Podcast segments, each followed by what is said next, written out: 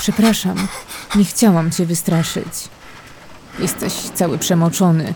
Chodź, usiądź z nami przy kominku, ogrzej się i posłuchaj naszych opowieści. Być może, jeśli będziesz chciał, opowiesz nam też swoją. Tylko najpierw odpowiedz mi na jedno pytanie. Boisz się?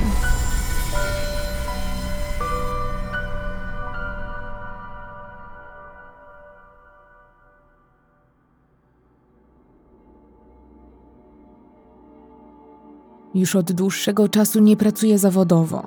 Jestem mamą trójki małych dzieci i to opieka nad nimi jest moim głównym zajęciem. Nie jest to lekka praca. Bywają gorsze i lepsze dni, ale bez względu na wszystko, raz na jakiś czas potrzebuję się zresetować i odciąć od codzienności. Kiedy mój mąż wróci już do domu z pracy i razem położymy do snu nasze dzieci, wreszcie mam moment tylko dla siebie i często potrzebuję wtedy być po prostu sama. Bardzo długo praktykowałam pewien zwyczaj, który był w swojej prostocie pożyteczny, ale też wyjątkowo relaksujący.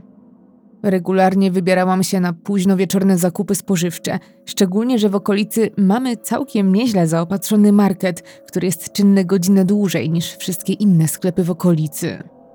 Zawsze lubiłam te zakupy w ostatniej godzinie otwarcia. Mogłam wtedy w spokoju analizować składy bez zniecierpliwionych dzieci obok, ale też mogłam zrobić zakupy w spokoju i bez kolejek do kasy. Przy okazji, samo robienie zakupów jakoś od zawsze mnie relaksowało. Bardzo lubiłam te moje późnowieczorne wyjścia. Cała historia, o której chcę Wam opowiedzieć, miała miejsce kilka lat temu, w listopadzie. Było wtedy kilka minut po 21, kiedy dotarłam do mojego okolicznego marketu, w którym tak często robiłam moje relaksujące zakupy. Nigdy nie odczuwałam strachu wychodząc wieczorem z domu i pod żadnym względem nie jestem paranoiczką czy strachliwą osobą. Co prawda, na studiach brałam udział w kilku seminariach na temat samoobrony dla kobiet, ale wynikało to z mojej ciekawości świata. Sama też interesuję się tematyką kryminalną i kilka razy na własną rękę czytałam niejeden artykuł o relacji sprawca-ofiara. Analizowałam też sposoby identyfikowania dziwnych zachowań, szczególnie ze strony obcych mężczyzn, i myślę, że nieźle odczytuję cudze intencje.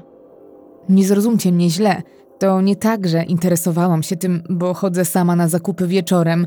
Po prostu ta tematyka zawsze mnie intrygowała.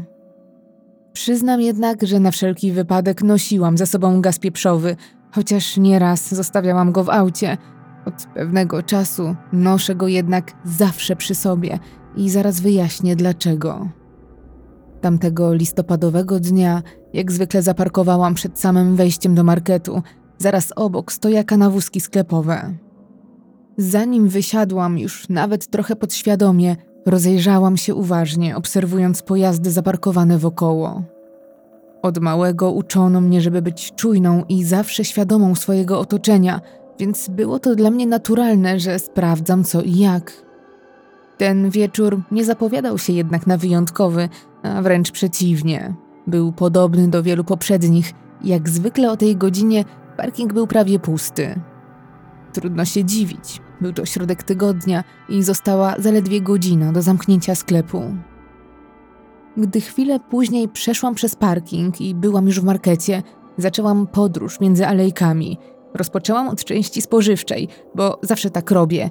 Najpierw obowiązki, a potem przyjemności, którymi w tym wypadku są wielkie kosze z przecenionymi produktami z każdej kategorii. W każdym razie po około 10 minutach spędzonych na poszukiwaniu najbardziej idealnych pomidorów i kajzerek, na których mój mąż nie połamie sobie jutro zębów, coś wyrwało mnie z zakupowego transu. Zauważyłam młodego chłopaka, mniej więcej w wieku 25 lat, który od razu zwrócił moją uwagę. Był wysoki, szczupły, ubrany w szary, zabrudzony komplet dresowy i brązowe buty robocze. Chyba za długo mu się przyglądałam, bo także on spojrzał na mnie, więc żeby jakoś wybrnąć z tej trochę niezręcznej sytuacji, uśmiechnęłam się i lekko kiwnęłam głową, ale chłopak kompletnie na to nie zareagował. Miał skwaszony wyraz twarzy i beznamiętnie patrzył w moją stronę. Nie mogłam oprzeć się wrażeniu, że jest czymś odurzony. Chwilę jeszcze popatrzył na mnie tym wyjątkowo pustym wzrokiem, po czym poszedł w swoim kierunku. Poczułam się dziwnie i niezręcznie, a mój umysł od razu zaczął analizować sytuację. Na pierwszy rzut oka zachowanie chłopaka nie odbiegało od normy. Po prostu przechadzał się główną alejką, chociaż robił to bez koszyka czy wózka i miał ręce w kieszeniach. Wyglądał jakby był sam jakby nie miał celu, dla którego znalazł się w tym sklepie. W pewnym momencie zdałam sobie sprawę, że chyba za długo rozmyślam nad czymś kompletnie nieistotnym i kontynuowałam zakupy w następnym dziale, ale nie minęło kilka minut, kiedy znowu coś odciągnęło moją uwagę od cenówek i składów. Po raz kolejny zwróciłam uwagę na młodego mężczyznę chodzącego po sklepie. Ten miał jednak nieco dłuższe włosy, ale był ubrany kropka w kropkę jak chłopak, który patrzył na mnie pustym wzrokiem. Ten człowiek także był bez wózka czy koszyka. Miał nawet identyczne buty robocze z charakterystycznymi stalowymi noskami jak na budowę. I jego wzrok skierował się na mnie, gdy wylądowaliśmy w jednej alejce, ale w tym samym momencie, kiedy zauważył, że mu się przyglądam, nagle zmienił kierunek. To już trochę mnie zaalarmowało, bo ewidentnie była to reakcja na mój wzrok.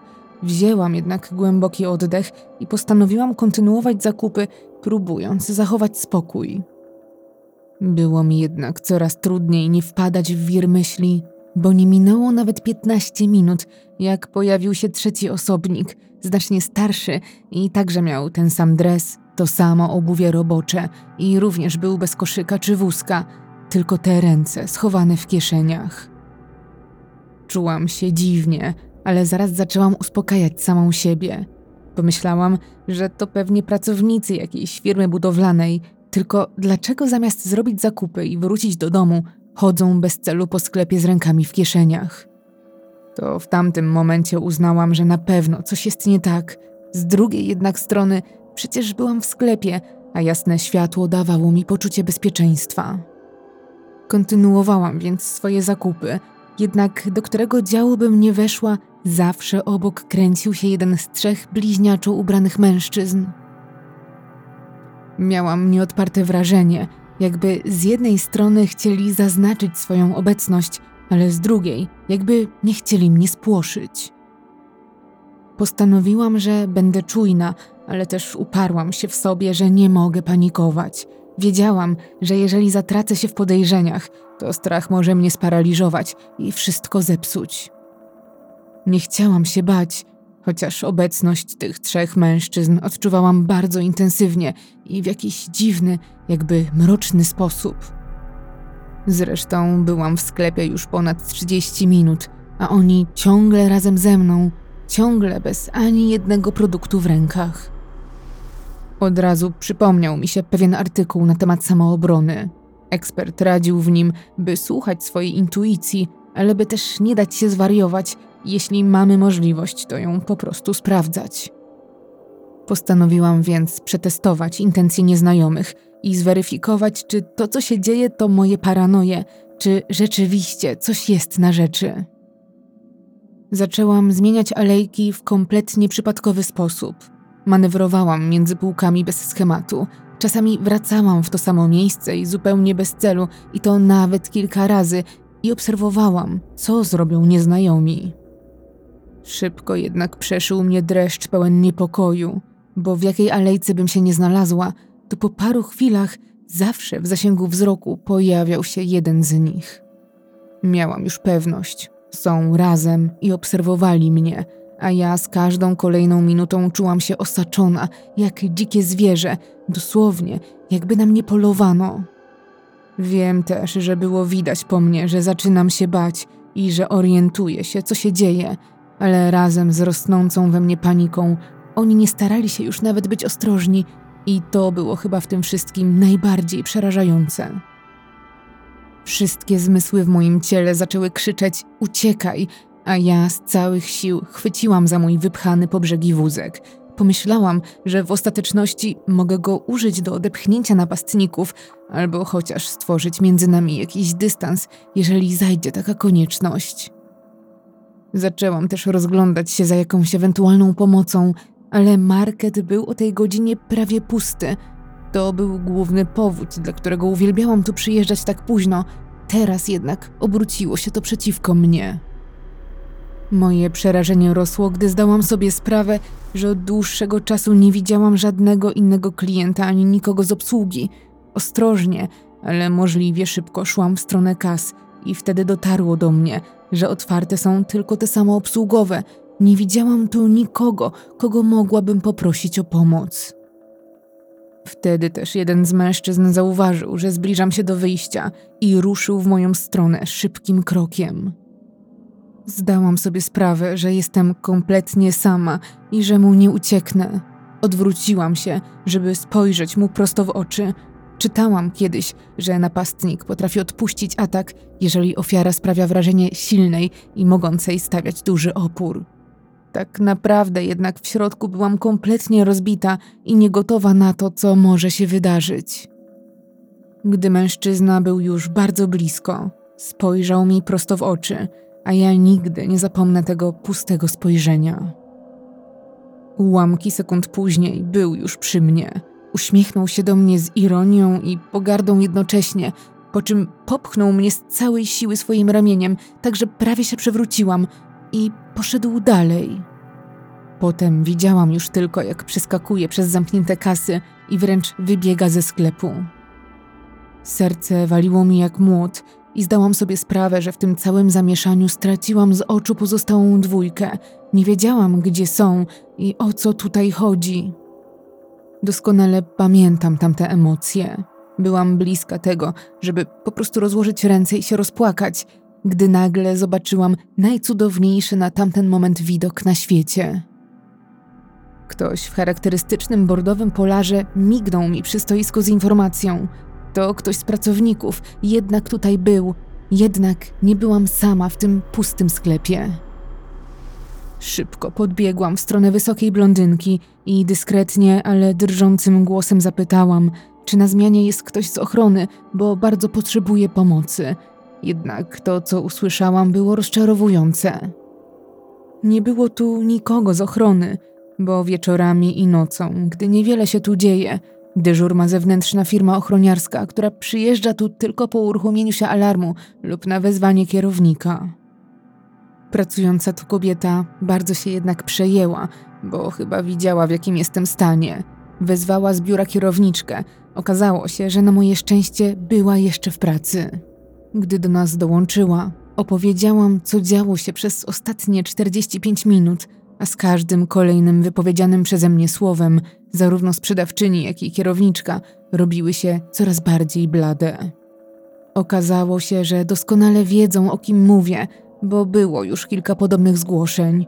Wcześniej jednak swoje obawy zgłaszały tylko pracowniczki z wieczornej zmiany, a nie klientki. Od wakacji w związku z tym wprowadzona została nawet niepisana zasada, że kobiety pracujące na wieczorną zmianę mają opuszczać sklep tylko w grupkach. Kierowniczka przeprosiła mnie za cały ten stres i strach, jakiego się najadłam, po czym jeszcze przy mnie skontaktowała się z centralą i powiadomiła firmę ochroniarską. Zapadła też decyzja, że na wszelki wypadek wezwana zostanie policja. Muszę przyznać, że wcale mnie to nie uspokoiło, a raczej utwierdziło w tym, że chyba o włos uniknęłam prawdziwej tragedii. Wciąż trzęsłam się, ale ulżyło mi, że ktoś mi wierzy i że martwi się o inne młode kobiety w sklepie. Na koniec kierowniczka spisała moje dane. Widziała, że jestem w kiepskim stanie i nie chciała zmuszać mnie, żebym czekała na przyjazd policji, szczególnie, że nie było wiadomo, kiedy się pojawią. Na jej prośbę z magazynu wyszedł też jeden z pracowników, którego zadaniem było odprowadzić mnie do samochodu. I gdy myślałam, że to już koniec całego tego stresu, gdy myślami byłam już w ciepłym domu obok męża i w bezpiecznych czterech kątach, w jednym momencie mój spokój rozsypał się w drobny mak. Gdy spojrzałam w stronę swojego samochodu, ze stresu zrobiło mi się niedobrze, a widok, jaki zastałam, sprawił, że dosłownie zamarłam. Dostęp do drzwi kierowcy mojego samochodu był zablokowany przez wręcz przyklejonego do mojego auta starego, białego dostawczaka. Za jego kierownicą siedział jeden z mężczyzn, którego widziałam w sklepie, a pozostali dwaj stali na zewnątrz i opierali się o moją Toyotę. Ewidentnie na mnie czekali. Liczyli, że wyjdę ze sklepu i że będę musiała się z nimi skonfrontować, jeżeli tylko zechcę odjechać. Natychmiast wydałam z siebie dziwny krzyk. Był to dźwięk strachu zmieszanego z zaskoczeniem. Wskazałam mężczyzn pracownikowi, który mnie odprowadzał, i krzyknęłam, że to oni, co natychmiast ich spłoszyło. Ci, którzy stali przy moim aucie, natychmiast zerwali się do ucieczki, wskoczyli do dostawczaka i z piskiem opon odjechali z parkingu. Nie spodziewali się, że będę sama na tym pustym, betonowym placu. Ja natomiast byłam tak roztrzęsiona, że ostatecznie musiał przyjechać po mnie mąż. Nie chcę nawet myśleć, co by się stało, gdybym wyszła wtedy sama ze sklepu. Ta myśl często mnie jednak nawiedza i nie pozwala zasnąć. Cieszę się, że ostatecznie nic mi się nie stało i że mogłam opowiedzieć tę historię innym. W kilku następnych tygodniach słyszałam o podobnych zajściach i próbach porwań w pobliskich marketach i jestem prawie pewna, że to byli oni. Policja nic jednak z tym nie zrobiła, bo w zasadzie nic się nie stało. Ja dzisiaj wolę dmuchać na zimne i zakupy robię już w dzień. Chyba polubiłam nawet kolejki do kas.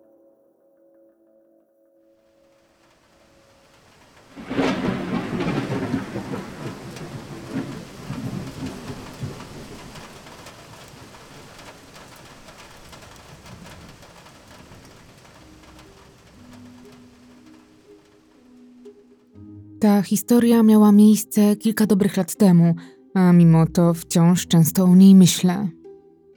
Słowem wstępu, dzisiaj mam 18 lat i od wczesnego dzieciństwa należę do harcerstwa, bo kocham spędzać czas z moimi przyjaciółmi na łonie przyrody. Sześć lat temu, gdy miałam 12 lat, byłam już na kolejnym letnim obozie w górach. Spanie w namiotach, zabawy w podchody i cała masa leśnych atrakcji. Od zawsze to uwielbiałam. Podczas tego wyjazdu często organizowaliśmy ogniska, które sami przygotowywaliśmy, od zebrania gałęzi po ustawienie stosu, aż po rozpalenie, co zawsze było najtrudniejsze. Z reguły też rozdzielaliśmy zadania i tamtego razu ja i dwie dziewczyny z mojego zastępu zostałyśmy poproszone o znalezienie długich, spiczastych kijów, które nadadzą się do pieczenia kiełbasek nad ogniskiem. Wydawałoby się, że to banalnie proste zadanie, ale uwierzcie mi, znalezienie ponad 20 idealnych kijków wcale nie jest takie proste. Razem z koleżankami, które były nieco starsze ode mnie, potraktowałyśmy nasze zadanie jako dobrą okazję do małej rywalizacji. Ustaliłyśmy, że ta, która zbierze najwięcej nadających się na ognisko patyków, będzie zwolniona z nocnego czuwania, co oznacza kilka dobrych godzin snu więcej. Tak zmotywowane, ruszyłyśmy do lasu otaczającego nasz obóz i postanowiłyśmy, że pójdziemy jedną ścieżką prowadzącą w linii prostej na południe i że nigdzie nie będziemy skręcać.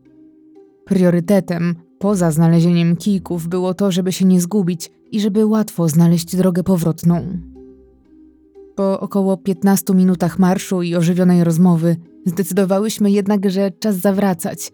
Żadna z nas nie była nawet blisko wygranej, bo w okolicy, którą wybrałyśmy, nie było ani jednego kijka, który nadawałby się na ognisko. Ustaliłyśmy więc, że wracamy i że poszukamy po drugiej stronie obozu, szczególnie, że zaczął gonić nas czas. Zgodnie z planem odwróciłyśmy się o 180 stopni i zaczęłyśmy iść z powrotem na północ, tą samą ścieżką, którą tutaj przyszłyśmy, ale nagle zaczęło dziać się coś dziwnego. Ścieżka, którą przecież dopiero co przyszłyśmy, skończyła się dosłownie po kilkudziesięciu metrach marszu. To jednak nie był koniec, bo między nami, a jak myślałyśmy, trasą do obozu, stał niemal niemożliwy do sforsowania szpaler drzew i krzewów. Gałęzie były splecione ze sobą w taki sposób, że nie było szans się przez nie przedrzeć. Nigdy wcześniej nie widziałyśmy czegoś takiego. Z jednej strony te rośliny były w nieładzie, z drugiej jednak sprawiały wrażenie, jakby ktoś zasadził je w ten sposób celowo. Nie miałyśmy pojęcia, jak to w ogóle możliwe. Skąd nagle w środku lasu taka przedziwna zapora, zupełnie niepasująca do reszty otoczenia. Poza tym wszystkie byłyśmy pewne, że pilnujemy drogi i kierunku. Ani razu nie zboczyłyśmy z trasy. Jak to możliwe, że droga, którą przed chwilą szłyśmy, teraz jest ślepą uliczką? Nie miałyśmy wyjścia, dlatego znowu skierowałyśmy się z powrotem na południe w poszukiwaniu znajomej drogi. W taki sposób doszłyśmy do betonowej ścieżki, która wyglądała jak bardzo wąska ulica. Widziałyśmy to miejsce pierwszy raz w życiu i zdecydowanie nie znajdowało się ono na znanej nam trasie do obozu, ale też nie pasowało do otoczenia. Stanęłyśmy tu zdezorientowane i nie wiedziałyśmy, co robić. Czas mijał, a nas nie było coraz dłużej. Gdy tak stałyśmy i rozmyślałyśmy, co dalej, dostrzegłyśmy, że po drugiej stronie ścieżki stoi stara, chyba opuszczona chata, prawdopodobnie używana do przechowywania drewna albo zapasów, chociaż zgaduję, bo tak naprawdę w ogóle się na tym nie znam. W każdym razie podeszłyśmy do tego małego budynku. Miałyśmy nadzieję, że może jakimś cudem zastaniemy tam kogoś, kto pokieruje nas na odpowiednią ścieżkę, ale w środku nikogo nie było. W zasadzie niczego nie było w środku, poza stertą kilku starych książek i pustych, zakurzonych klatek dla zwierząt. Uznałyśmy, że nic tu po nas i że nie ma na co czekać. Spojrzałyśmy na zegarki, a potem po sobie. Niedługo zacznie się ściemniać, a my nadal nie trafiłyśmy na drogę powrotną do obozu. Już spanikowane szłyśmy przed siebie jeszcze dłuższy czas, a okolica wydawała mi się mroczna jak nigdy. O ile zawsze myślałam, że znam to miejsce jak własną kieszeń, tak wtedy czułam, jakbym była tam pierwszy raz. Miałam wrażenie, że nawet drzewa są inne, że są tu inne gatunki. Zawsze byłam przekonana, że był tu las typowo liściasty, podczas gdy dzisiaj otaczały nas strzeliste i nieco mroczne sosny. Przez dłuższy czas nie mówiłam tego głośno, ale gdy w końcu zebrałam się na odwagę, Okazało się, że moje koleżanki myślały dokładnie to samo. Żadna z nas nie rozpoznawała tego miejsca. I gdy już powoli zaczęłyśmy tracić nadzieję na to, że wydostaniemy się stąd zanim zapadnie zmrok, wreszcie wydarzył się cud. W końcu usłyszałyśmy charakterystyczny szum przejeżdżającego samochodu, a chwilę później byłyśmy już na asfaltowej drodze. Znowu jednak nie miałyśmy pojęcia, gdzie jesteśmy – ale na całe szczęście poboczem szła kobieta z kijkami do Nordic Walkingu. Od razu do niej podbiegłyśmy i wytłumaczyłyśmy, że chyba się zgubiłyśmy i zapytałyśmy, czy nie wie, w którą stronę jest nasz kemping. Kobieta nie była do końca pewna, ale wskazała nam kierunek i to zupełnie przeciwny niż byśmy się spodziewały. Powiedziała co prawda, że nie ma pewności, że to miejsce, o które nam chodzi, ale że kawałek dalej widziała znak i że może to właśnie nasz obóz. Nie miałyśmy już sił ryzykować, chociaż niezbyt pewne, to poszłyśmy za jej radą i ku naszemu zaskoczeniu, w końcu po dłuższym marszu, dotarłyśmy do celu. Byłyśmy szczęśliwe i rozemocjonowane i od razu gorączkowo zaczęłyśmy przepraszać naszych opiekunów za to, że nie było nas tak długo i że pewnie bardzo się o nas martwili. Przekrzykiwałyśmy się, że droga nagle zniknęła, że szłyśmy dobrze, a jednak źle i że nie mamy pojęcia, jak do tego doszło. Jednak ku naszemu zaskoczeniu opiekunowie spojrzeli po sobie, jakby szukali potwierdzenia, że słyszą to samo, a na ich twarzach malowało się kompletne zaskoczenie. I w końcu opiekun naszego zastępu oznajmił nam, że przecież nic się nie dzieje i że nikt nas nie szukał, bo odkąd wyszłyśmy po kijki, minęło niecałe 20 minut. Do dzisiaj nie mam pojęcia, jak to możliwe, bo zarówno ja, jak i moje koleżanki przekonane byłyśmy, że nie było nas co najmniej dwie godziny, a może nawet więcej. Mało tego, Miałyśmy przecież ze sobą zegarki i przynajmniej kilka razy sprawdzałyśmy godzinę. Gdy jednak opiekun powiedział nam, że nie było nas tak krótko, znowu rzuciłyśmy okiem na swoje czasomierze i rzeczywiście nie był to żart. Naprawdę nie było nas tylko chwilę. Las, w którym się wtedy zgubiłyśmy, sprawiał wrażenie przygniatającego i klaustrofobicznego, a na pewno obcego, jakbyśmy wkroczyły na teren, w którym czas biegnie inaczej. Wierzę w zjawiska paranormalne. Wierzę, że tamtego dnia wydarzyło się coś, czego nie potrafię wytłumaczyć. To było tak niepodobne do wszystkiego, co do tej pory przeżyłam. Dosłownie jakbyśmy znalazły się w jakimś wirze czasowym lub czymś w tym rodzaju, a godziny spędzone w lesie były tylko minutami w prawdziwym świecie. To było tak niepodobne do wszystkiego, co do tej pory przeżyłam. Dosłownie jakbyśmy znalazły się w jakimś wirze czasowym lub czymś w tym rodzaju, a godziny spędzone w lesie były tylko minutami w prawdziwym świecie. To uczucie było bardzo dziwne i tkwi we mnie do teraz. Może łatwiej byłoby mi to sobie wyjaśnić, gdyby nie fakt, że przecież wszystkie trzy doświadczyłyśmy tego samego.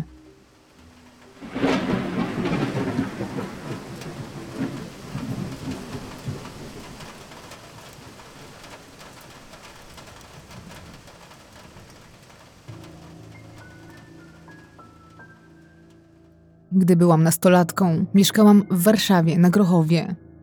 Był to przełom lat 90. i 2000 i miałam jakieś 13 lat. W tamtym czasie moi rodzice zdecydowali się wyjechać na weekend do rodziny, która mieszkała około 200 kilometrów od nas. Zawsze zabierali mnie ze sobą, ale tym razem udało mi się ich przekonać, że jestem już wystarczająco duża, żeby zostać sama na te dwa dni. Dodatkowym argumentem był fakt, że 10 minut drogi od nas mieszkał mój o 9 lat starszy brat, więc na pewno nic mi się nie stanie, będę bezpieczna, a jeżeli będzie potrzeba, to przecież brat na pewno mi pomoże. Sama nie wiem, jak się to udało, ale rodzice się zgodzili. Postawili jednak warunki, że codziennie mam być w domu od godziny 19 i że mam zamykać drzwi na wszystkie trzy zamki, mimo że normalnie zawsze używaliśmy jednego. Oczywiście miałam też nikogo nie zapraszać i nikomu nie otwierać, a przystanie na te warunki nie było dla mnie problemem. To był luty, o dziewiętnastej było już ciemno, więc i tak nie wychodziłabym na dwór, a zapraszać nikogo też nie chciałam, ponieważ jako dziewczyna, która uwielbiała gry, zamierzałam spędzić cały weekend grając w ukochane Simsy. Rodzice wyjechali w piątek wieczorem i zostawili mi 50 zł na jedzenie i przekąski, co w tamtych czasach było ogromną kwotą. W naszym domu, trochę z zasady, rzadko pojawiały się słodycze, chipsy, gazowane napoje czy pizza. Dlatego oczywistym było, że wydam pieniądze właśnie na te smakołyki. W końcu nikt nie musiał przecież o tym wiedzieć. W sobotę w ciągu dnia poszłam do lokalnego marketu i kupiłam wszystkie wymarzone przysmaki. Nie ograniczałam się. To był jak dzień dziecka w lutym. Już oczami wyobraźni odpalałam komputer i otwierałam paczkę za paczką niezdrowego jedzenia. Od tego planu idealnego dzieliły mnie już dosłownie minuty. I gdy już prawie miałam wejść do klatki schodowej mojego bloku, coś przykuło moją uwagę. Na drzwiach wejściowych do budynku, od ich wewnętrznej strony, zobaczyłam naklejoną kartkę. Był to wydruk z rysopisem jakiegoś mężczyzny, a opis wskazywał, że jest to jakiś niebezpieczny człowiek, który wchodzi do klatek, podając się za osobę odwiedzającą sąsiada, u którego niby nie działa domofon. W pierwszej chwili myślałam, że może to jakiś złodziej, ale kiedy zaczęłam czytać dalej, zmroziło mnie. Na kartce napisane było, że mężczyzna ma przy sobie gruby kabel i po dostaniu się do mieszkania dusi nim mieszkańców i kradnie kosztowności. Czytając to, poczułam się jak w filmie. W naszej dzielnicy może nigdy nie było jakoś super bezpiecznie, ale ani razu nie słyszałam, żeby kogoś tu zamordowano. W telewizji również nikt nie wspominał o takim mężczyźnie, dlatego założyłam, że to najpewniej jakiś głupi żart któregoś z nastolatków mieszkających w moim bloku. Zresztą spójrzmy na to logicznie. Gdyby to była prawda, to plakaty wisiałyby wszędzie i każdy by o tym mówił. Ostatecznie wzruszyłam ramionami i wróciłam do domu, gdzie spędziłam popołudnie tak jak planowałam. Jedząc upieczoną pizzę z mrożonki, zajadając się chipsami i popijając oranżadę Helenę, to naprawdę był dzień idealny i nic nie mogło go zepsuć. Jednak myliłam się. Około godziny 22, po maratonie przed komputerem, wyszłam ze swojego pokoju i poszłam do kuchni, Zaczęłam sprzątać po sobie, żeby nie zostawiać wszystkiego na ostatnią chwilę, i wtedy usłyszałam ciche pukanie do drzwi. Najpierw pomyślałam, że się przesłyszałam, bo równie dobrze takie dźwięki mogły dochodzić z za ściany, ale pukanie dalej rozbrzmiewało i na pewno dochodziło z mojego przedpokoju. Ktoś musiał też być bardzo uparty i zdeterminowany, żeby mu otworzyć, ponieważ w naszym mieszkaniu nie działał dzwonek do drzwi. W latach osiemdziesiątych dziadek remontował przedpokój i wykładając ściany drewnianą boazerią, przez przypadek przeciął kabel od dzwonka, który poprowadzony był przy ścianie. W tamtych czasach ciężko było o materiały elektryczne, dlatego razem z tatą uznali, że po prostu tak to zostawią, a tata, który jest elektrykiem, kiedyś to naprawi. Jak jednak mówi znane przysłowie, szewc bez butów chodzi i ostatecznie nigdy tego nie zrobił. W niczym to jednak nie przeszkadzało, bo każdy, kto nas odwiedzał, wiedział, że dzwonek nie działa i nie było potrzeby, by to zmieniać. O tym, że nie działa, nie wiedzieli jednak obcy i zwykle po jego naciśnięciu i braku reakcji po prostu odchodzili. Było to nawet na plus, bo w tamtym czasie nie brakowało nachalnych domokrążców. Jednak wtedy, gdy byłam sama, było inaczej. Nie dość, że było późno, to ktoś ciągle pukał, mimo że nikt nie odpowiadał na dzwonek. Musiałam to sprawdzić. Mieliśmy w drzwiach wizjer, więc podeszłam do niego, lekko uchyliłam osłonkę i spojrzałam przez dziurkę. Po drugiej stronie stał niezbyt wysoki mężczyzna w beżowej kurtce, dżinsach i czapce z daszkiem naciągniętej na oczy. Jedną rękę miał w kieszeni, a drugą ciągle i wytrwale pukał. Miałam dziwne wrażenie, że skądś kojarzę to, co widzę, i gdy zdałam sobie sprawę skąd, zamarłam. Ubranie tego mężczyzny idealnie pasowało do tego, które było wskazane na rysopisie wiszącym na drzwiach wejściowych do mojej klatki schodowej. Tak, to zdecydowanie był ten człowiek. Nie miałam pojęcia, co robić. Serce waliło mi jak oszalałe, a cała odwaga, którą zawsze się cechowałam, zniknęła momentalnie.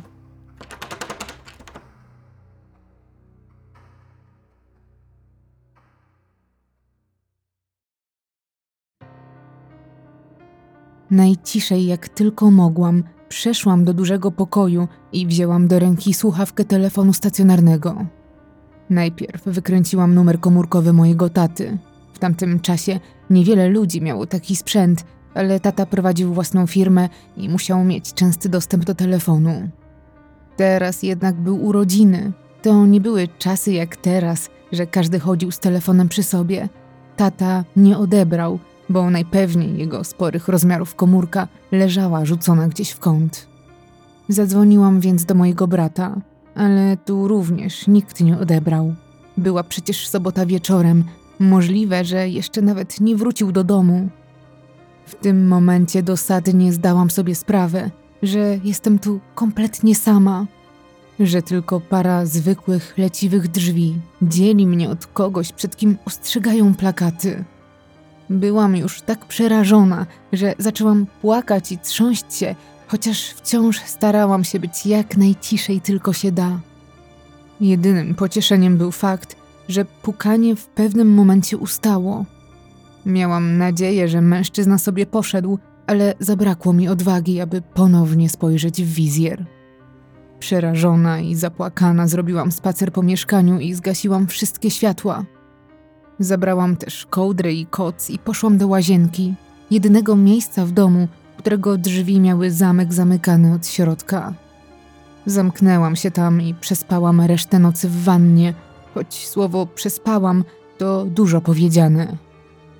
Rodzice zgodnie z planem wrócili następnego dnia. Gdy rzuciłam się mamie na szyję, to prawie ją przewróciłam. Oboje zdziwili się, że aż tak ucieszyłam się na ich widok, a ja od razu opowiedziałam im o tym, co mi się przytrafiło. Niestety nie spotkałam się ze zrozumieniem, bo ani mama, ani tata nie uwierzyli w moje słowa, mimo że zarzekałam się, że mówię prawdę. W rodzinie słynęłam zawsze jako dziecko z ogromną wyobraźnią. Dodatkowo okazało się, że kartka z rysopisem mężczyzny zniknęła z drzwi na parterze. I pewnie do dzisiaj nikt by mi nie wierzył, gdyby nie jeden makabryczny fakt. Zaledwie kilka dni później w lokalnej telewizji podano informację, że dwa bloki od nas ktoś zamordował starszą kobietę, dusząc ją kablem i okradając jej mieszkanie. Pokazano również rysopis poszukiwanego mordercy, dokładnie ten sam, który był powieszony na drzwiach wejściowych do mojej klatki.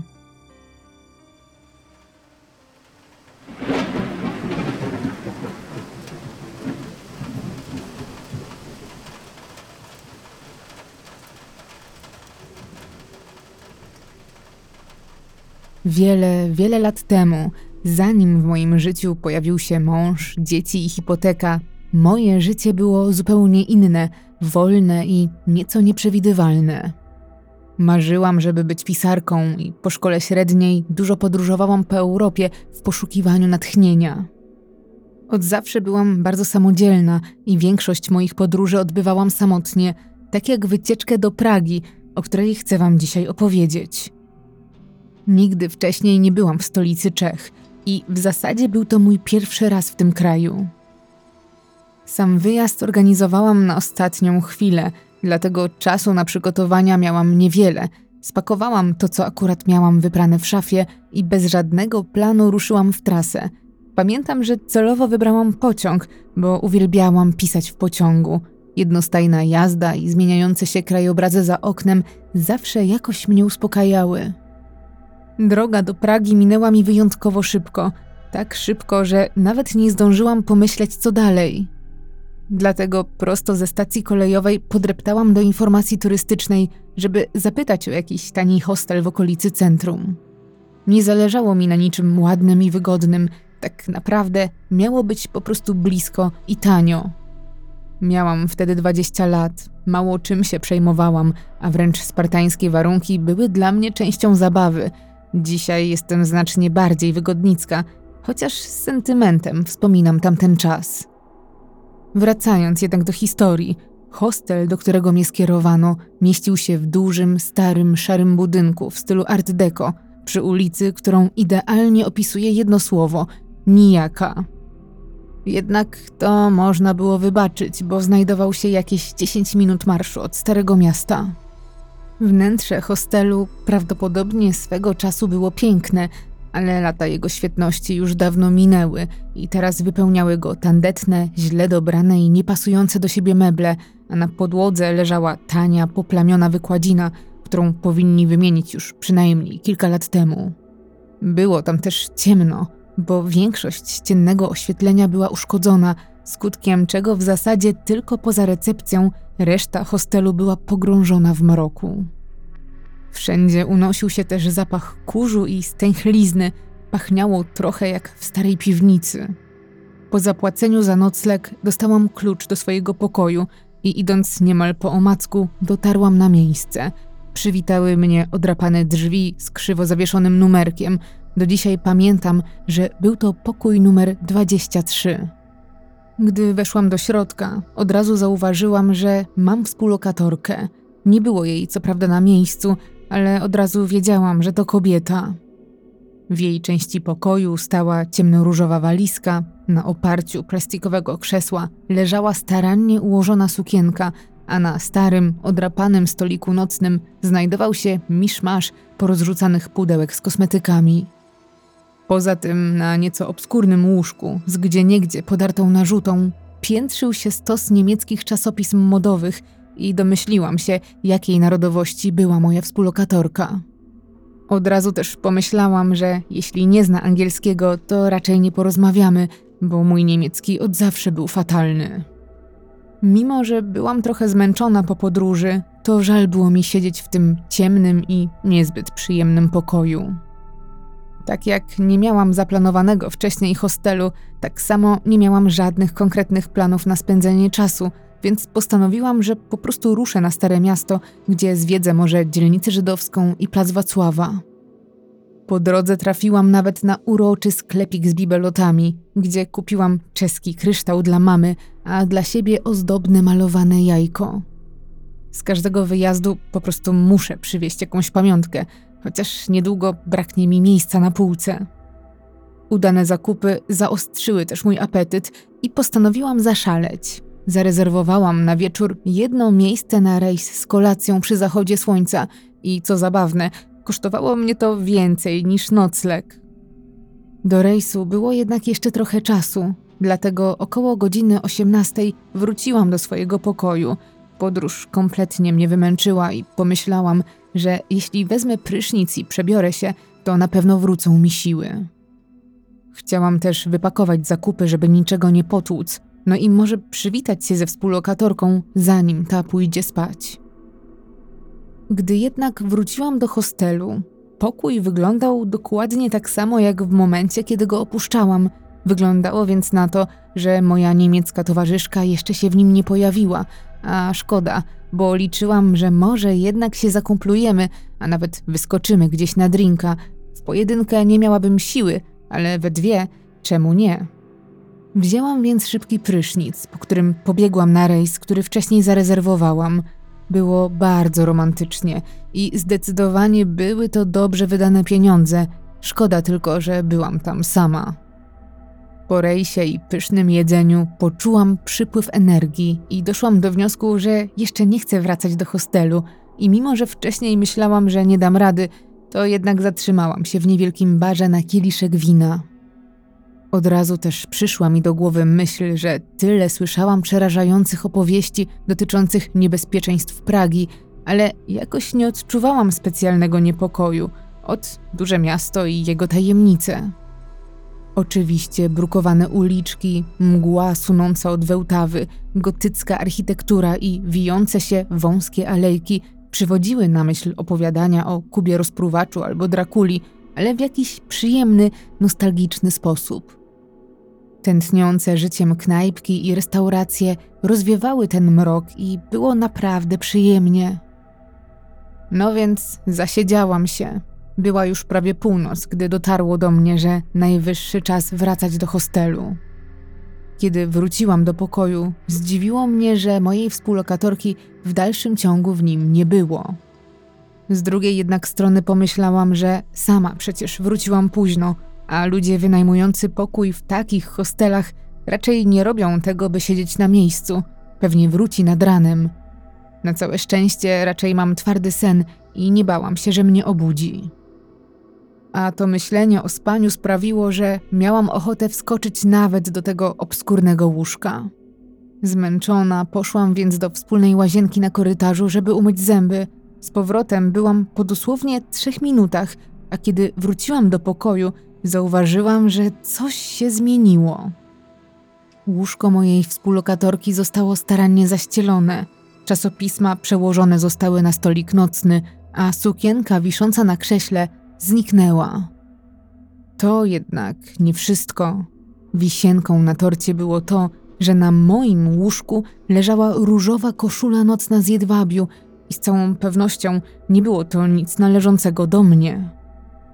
Od razu pomyślałam, że może współlokatorka wpadła do pokoju na chwilę i myślała, że ciągle ma go tylko dla siebie, chociaż trudno było mi w to uwierzyć. Przecież moje torby, ubrania i kosmetyczka były na widoku. Nie wiedziałam, co robić i delikatnie przeniosłam koszulę nocną na łóżko tajemniczej Niemki i położyłam się na swoim. Zaraz potem ślizgnęłam się pod sztywną kołdrę i zaczęłam robić notatki z dzisiejszego dnia w swoim dzienniku, co jest zresztą elementem mojej wieczornej rutyny i to od wielu lat. W swoich notatkach wspominałam o tym, co robiłam i co widziałam. Wspominałam też o, jak myślę, kobiecie, która ze mną wynajmuje pokój. Domyślałam się, że pewnie poszła pod prysznic i niebawem wróci, dlatego uznałam, że jeszcze chwilę poczekam, żebyśmy miały okazję się chociaż sobie przedstawić. Minęła jednak godzina, a jej łóżko nadal było puste i nikt nie wracał do pokoju. Przez to wino wypite przed snem musiałam jeszcze raz skorzystać z toalety, więc wybrałam się w ostatnią tego dnia podróż korytarzem. Od razu zwróciłam uwagę na to, że w całym budynku było wręcz nienaturalnie cicho. Wiele razy spałam w przeróżnych miejscach. Tu brakowało jednak standardowych odgłosów charakterystycznych dla miejsc noclegowych. Nie było rozmów podróżnych, brzęku kieliszków, muzyki przesączającej się przez drzwi. Nie było słychać niczego. Ten hostel wył od ciszy, niemal jak w pustym kościele. Dopiero po chwili zorientowałam się, że miałam gęsią skórkę i nie wiedząc czemu, nieświadomie skradałam się na palcach. Wydawało mi się, że korytarz jest jakiś ciemniejszy i jeszcze gorzej oświetlony niż poprzednio. Tych kilka wciąż działających lamp migało, jakby walczyły, by nie zgasnąć całkowicie. Całość tworzyła aurę nawiedzonego domu z horrorów i to, co jeszcze w dzień wydawało mi się nawet urokliwe, teraz było upiorne. Aż ścisnęło mnie w żołądku, dlatego przyspieszyłam kroku, bo chciałam jak najszybciej znaleźć się w swoim pokoju. Choć wiedziałam, że jestem sama, ciągle odwracałam się przez ramię. Cały czas miałam przeczucie, że zaraz usłyszę dźwięk goniących za mną kroków, ale w korytarzu roznosiło się jedynie stąpanie moich japonek. Gdy wreszcie otworzyłam drzwi i weszłam do swojego pokoju, odetchnęłam z ulgą. Jakoś mój pokój wydawał mi się teraz najmniej dziwaczny. Bardzo się jednak myliłam, bo ta ulga nie trwała długo. Znowu coś tu nie pasowało. Pozostawione przeze mnie rzeczy w pokoju leżały tak, jak je zostawiłam wcześniej, poza jednym szczegółem. Różowa nocna koszula ponownie leżała rozłożona na moim łóżku. Po raz kolejny odłożyłam nie swoją rzecz na stronę swojej nieobecnej współlokatorki, ale teraz zrobiłam to bardziej niedbale, żeby pokazać, że to już chyba przesada. W zasadzie odechciało mi się rozmawiać z tajemniczą niemiecką turystką i położyłam się spać. Tej nocy spałam jednak wyjątkowo kiepsko. Mój sen był niespokojny i przerywany. Na pewno w spaniu nie pomogło mi też to, że zostawiłam włączoną lampkę nocną, ciągle przeświadczona, że moja współlokatorka za chwilę wróci. To był błąd, bo cienie rzucane przez światło wytwarzały w pokoju niepokojącą atmosferę, ale też z drugiej strony, po jego zgaszeniu, w pokoju było zbyt ciemno i z niezrozumiałych dla mnie powodów odczuwałam wtedy lekki niepokój. Mimo wszystko uznałam, że jeżeli mam pospać chociaż kilka godzin, to muszę zgasić światło. W ciemności w końcu chyba udało mi się zasnąć na dłużej, ale znowu coś wybudziło mnie ze snu. Usłyszałam, że drzwi do mojego pokoju otwierają się i w pierwszej chwili pomyślałam, że to pewnie moja współlokatorka, ale z całą pewnością to nie była ona. W mroku stał jakiś mężczyzna, a niewielka ilość światła za nim wystarczyła mi, żeby dostrzec jego nienaturalnie wykrzywioną twarz. Chwilę później usłyszałam męski, prawie płaczący głos. Nie chciałem, musisz mi pomóc. Zbyt zdezorientowana, zaspana i zdziwiona, by się przestraszyć, usiadłam, przetarłam oczy i włączyłam lampkę. I gdy tylko światło zalało pokój, stało się coś, czego nie potrafiłam zrozumieć. Drzwi z całą pewnością były zamknięte. Nie było też żadnego mężczyzny ani nikogo innego. Poczułam, że ciarki przechodzą po całym moim ciele. Od razu zerwałam się z łóżka i podbiegłam do drzwi. Były zamknięte, przecież bez klucza nikt nie mógł dostać się do środka. Musiałam mieć pewność, czy nikt nie robi sobie ze mnie żartów, i sprawdziłam też korytarz, ale i on był pusty. Resztę nocy już nie spałam i do rana siedziałam ubrana na łóżku, oczywiście przy zapalonej lampce. Chociaż zapłaciłam za kolejne dwie noce, to o siódmej rano spakowałam się i zeszłam do recepcji, żeby się wymeldować. Jakoś nie miałam ochoty spędzić tu ani minuty dłużej. Na szczęście w recepcji pracowała bardzo miła dziewczyna i pieniądze za niewykorzystany nocleg zostały mi zwrócone w całości. Przy okazji zagadałam też o moją tajemniczą współlokatorkę. Zażartowałam, że jeszcze pomyśli, że uciekłam przed nią. Wtedy jednak pracująca na recepcji dziewczyna podniosła klucz do mojego pokoju, spojrzała na niego z namysłem, zmarszczyła brwi, a potem zerknęła na swój komputer. Następnie zapytała: Który pokój pani mówiła, że zajmowała?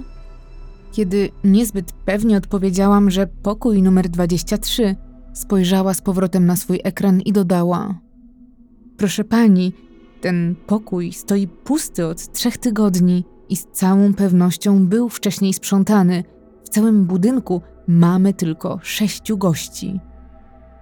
Byłam zbyt zbita z tropu, żeby drążyć temat. Nie chciałam też wyjść na dziwaczkę, dlatego podziękowałam i oddaliłam się na postój taksówek.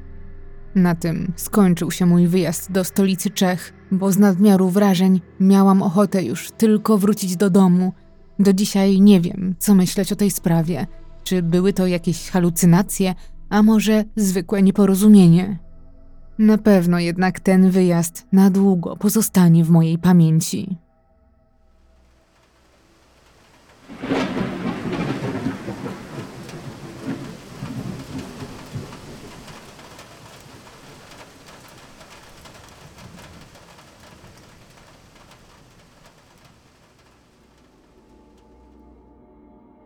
Moja historia to nie jedna z tych, w których jestem ofiarą stalkingu czy napastowania, ale taka, w której jestem gościem, który pojawia się znikąd. Jestem praktycznie pewien, że moja niezamierzona interwencja uratowała komuś życie.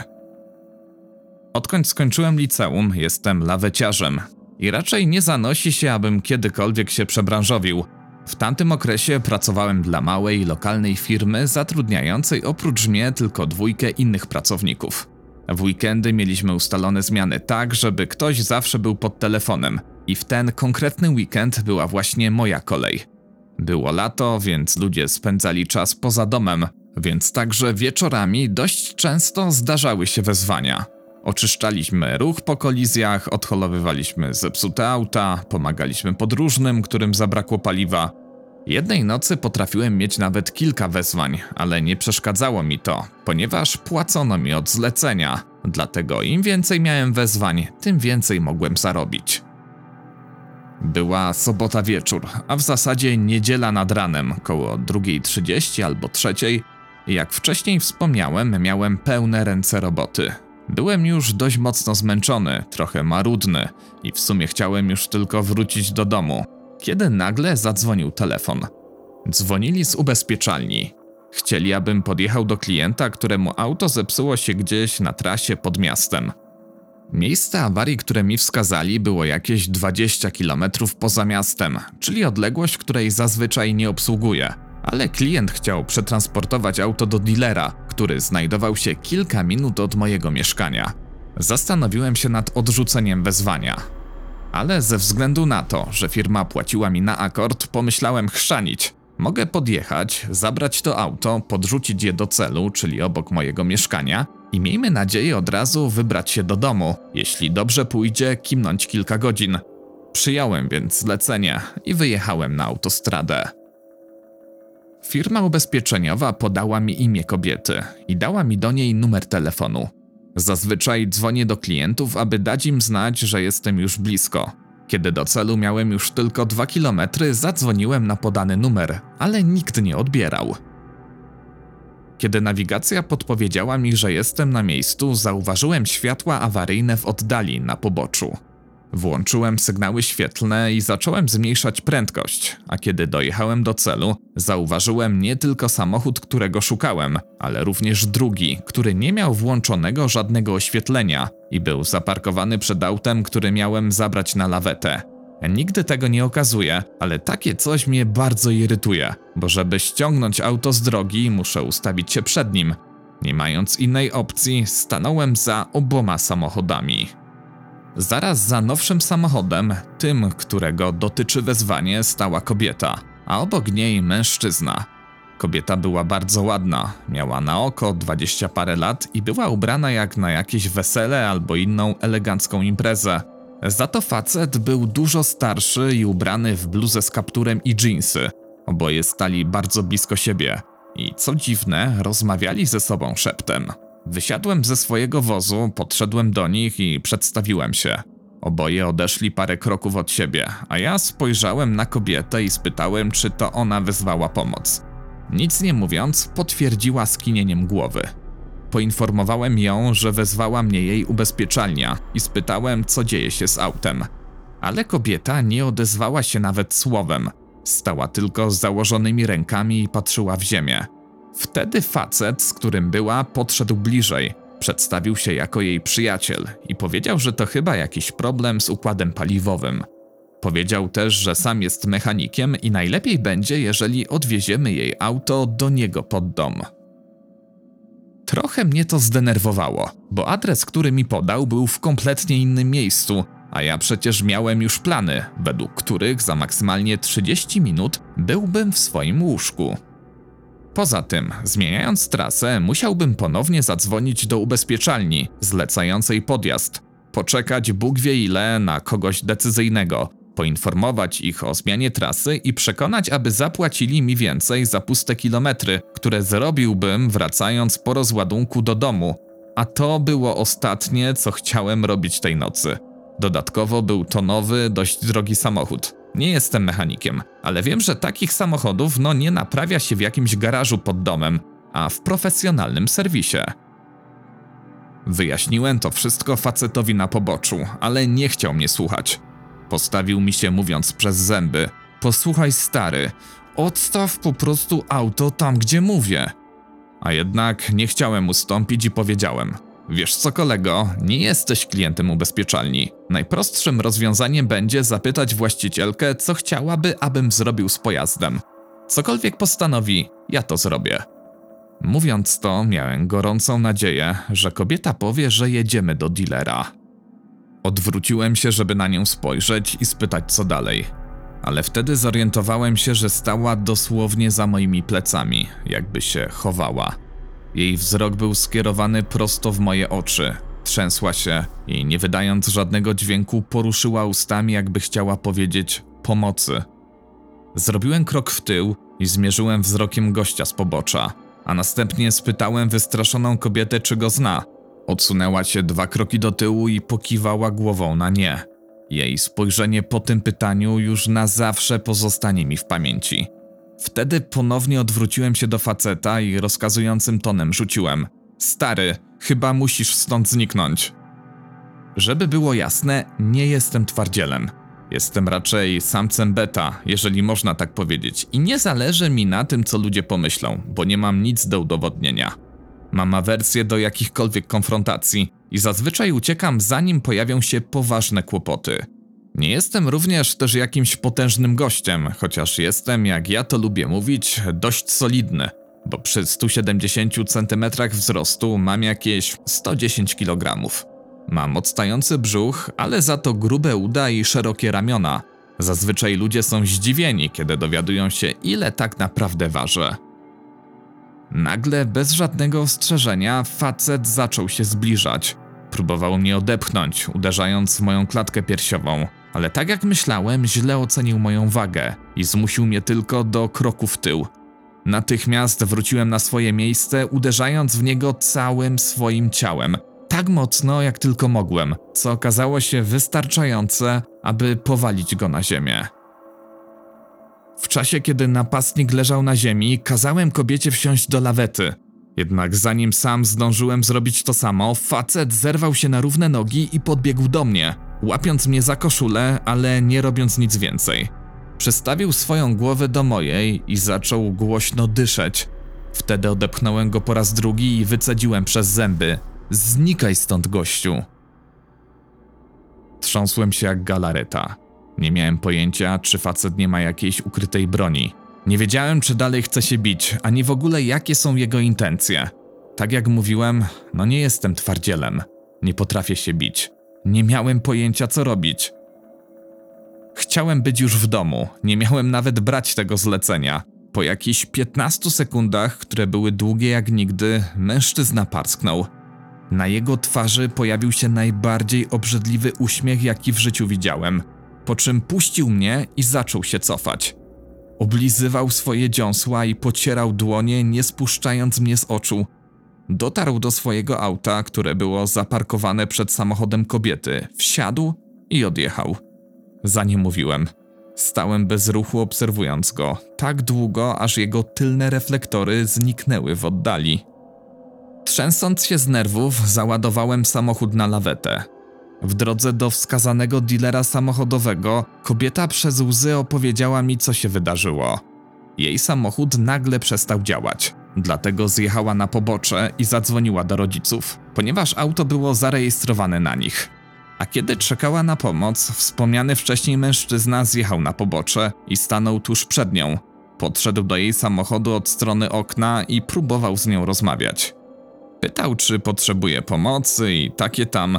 A kiedy powiedziała mu, że nie, bo pomoc jest w drodze, lekko się zdenerwował i zaczął nalegać. Jednak kobieta go zignorowała i zaczęła zamykać okno. Ale zanim to zrobiła, napastnik zdążył włożyć rękę do środka i otworzył sobie drzwi. Przestraszona dziewczyna wyszła z samochodu, zostawiając w panice swój telefon na fotelu i stanęła zaraz za nim, żeby być jak najbardziej widoczną dla przejeżdżających pojazdów. I właśnie wtedy podjechałem ja. Kto wie, co by się stało, gdybym pojawił się później, chociaż minutę później. Jej rodzice czekali na nią u celu naszej trasy. Po dotarciu do dealera opowiedziała im, co się wydarzyło. Dostałem od nich napiwek w wysokości 100 zł, co było całą gotówką, jaką mieli przy sobie, a dziewczyna objęła mnie na pożegnanie bardzo mocnym uściskiem, który no wiele dla mnie znaczył. Nigdy więcej jej nie spotkałem. Powiem wam tak. Na pewno każdy facet marzył sobie kiedyś o sytuacji, w której przybyłby na ratunek pięknej dziewczynie w tarapatach. Ja również. Wydaje nam się, że będziemy bohaterami, pokonamy smoka, zdobędziemy dziewczynę, ale dla mnie udział w tym zajściu był najokropniejszą sytuacją, w jakiej kiedykolwiek się znalazłem. Zostałem zmuszony do konfrontacji, której ani nie chciałem, ani do której nie byłem przygotowany, nie wiedząc tak naprawdę czego się spodziewać po ewidentnie stukniętym facecie. No, nie czułem się jak kozak, a tym bardziej jak bohater. Czułem się jak przerażony dzieciak, który pierwszy raz musi się zmierzyć ze szkolnym łobuzem. Jeżeli kiedykolwiek znajdę się w podobnej sytuacji, postąpię tak samo. Będę interweniował, jeżeli będę musiał, ale mam nadzieję, że już nigdy więcej do tego nie dojdzie.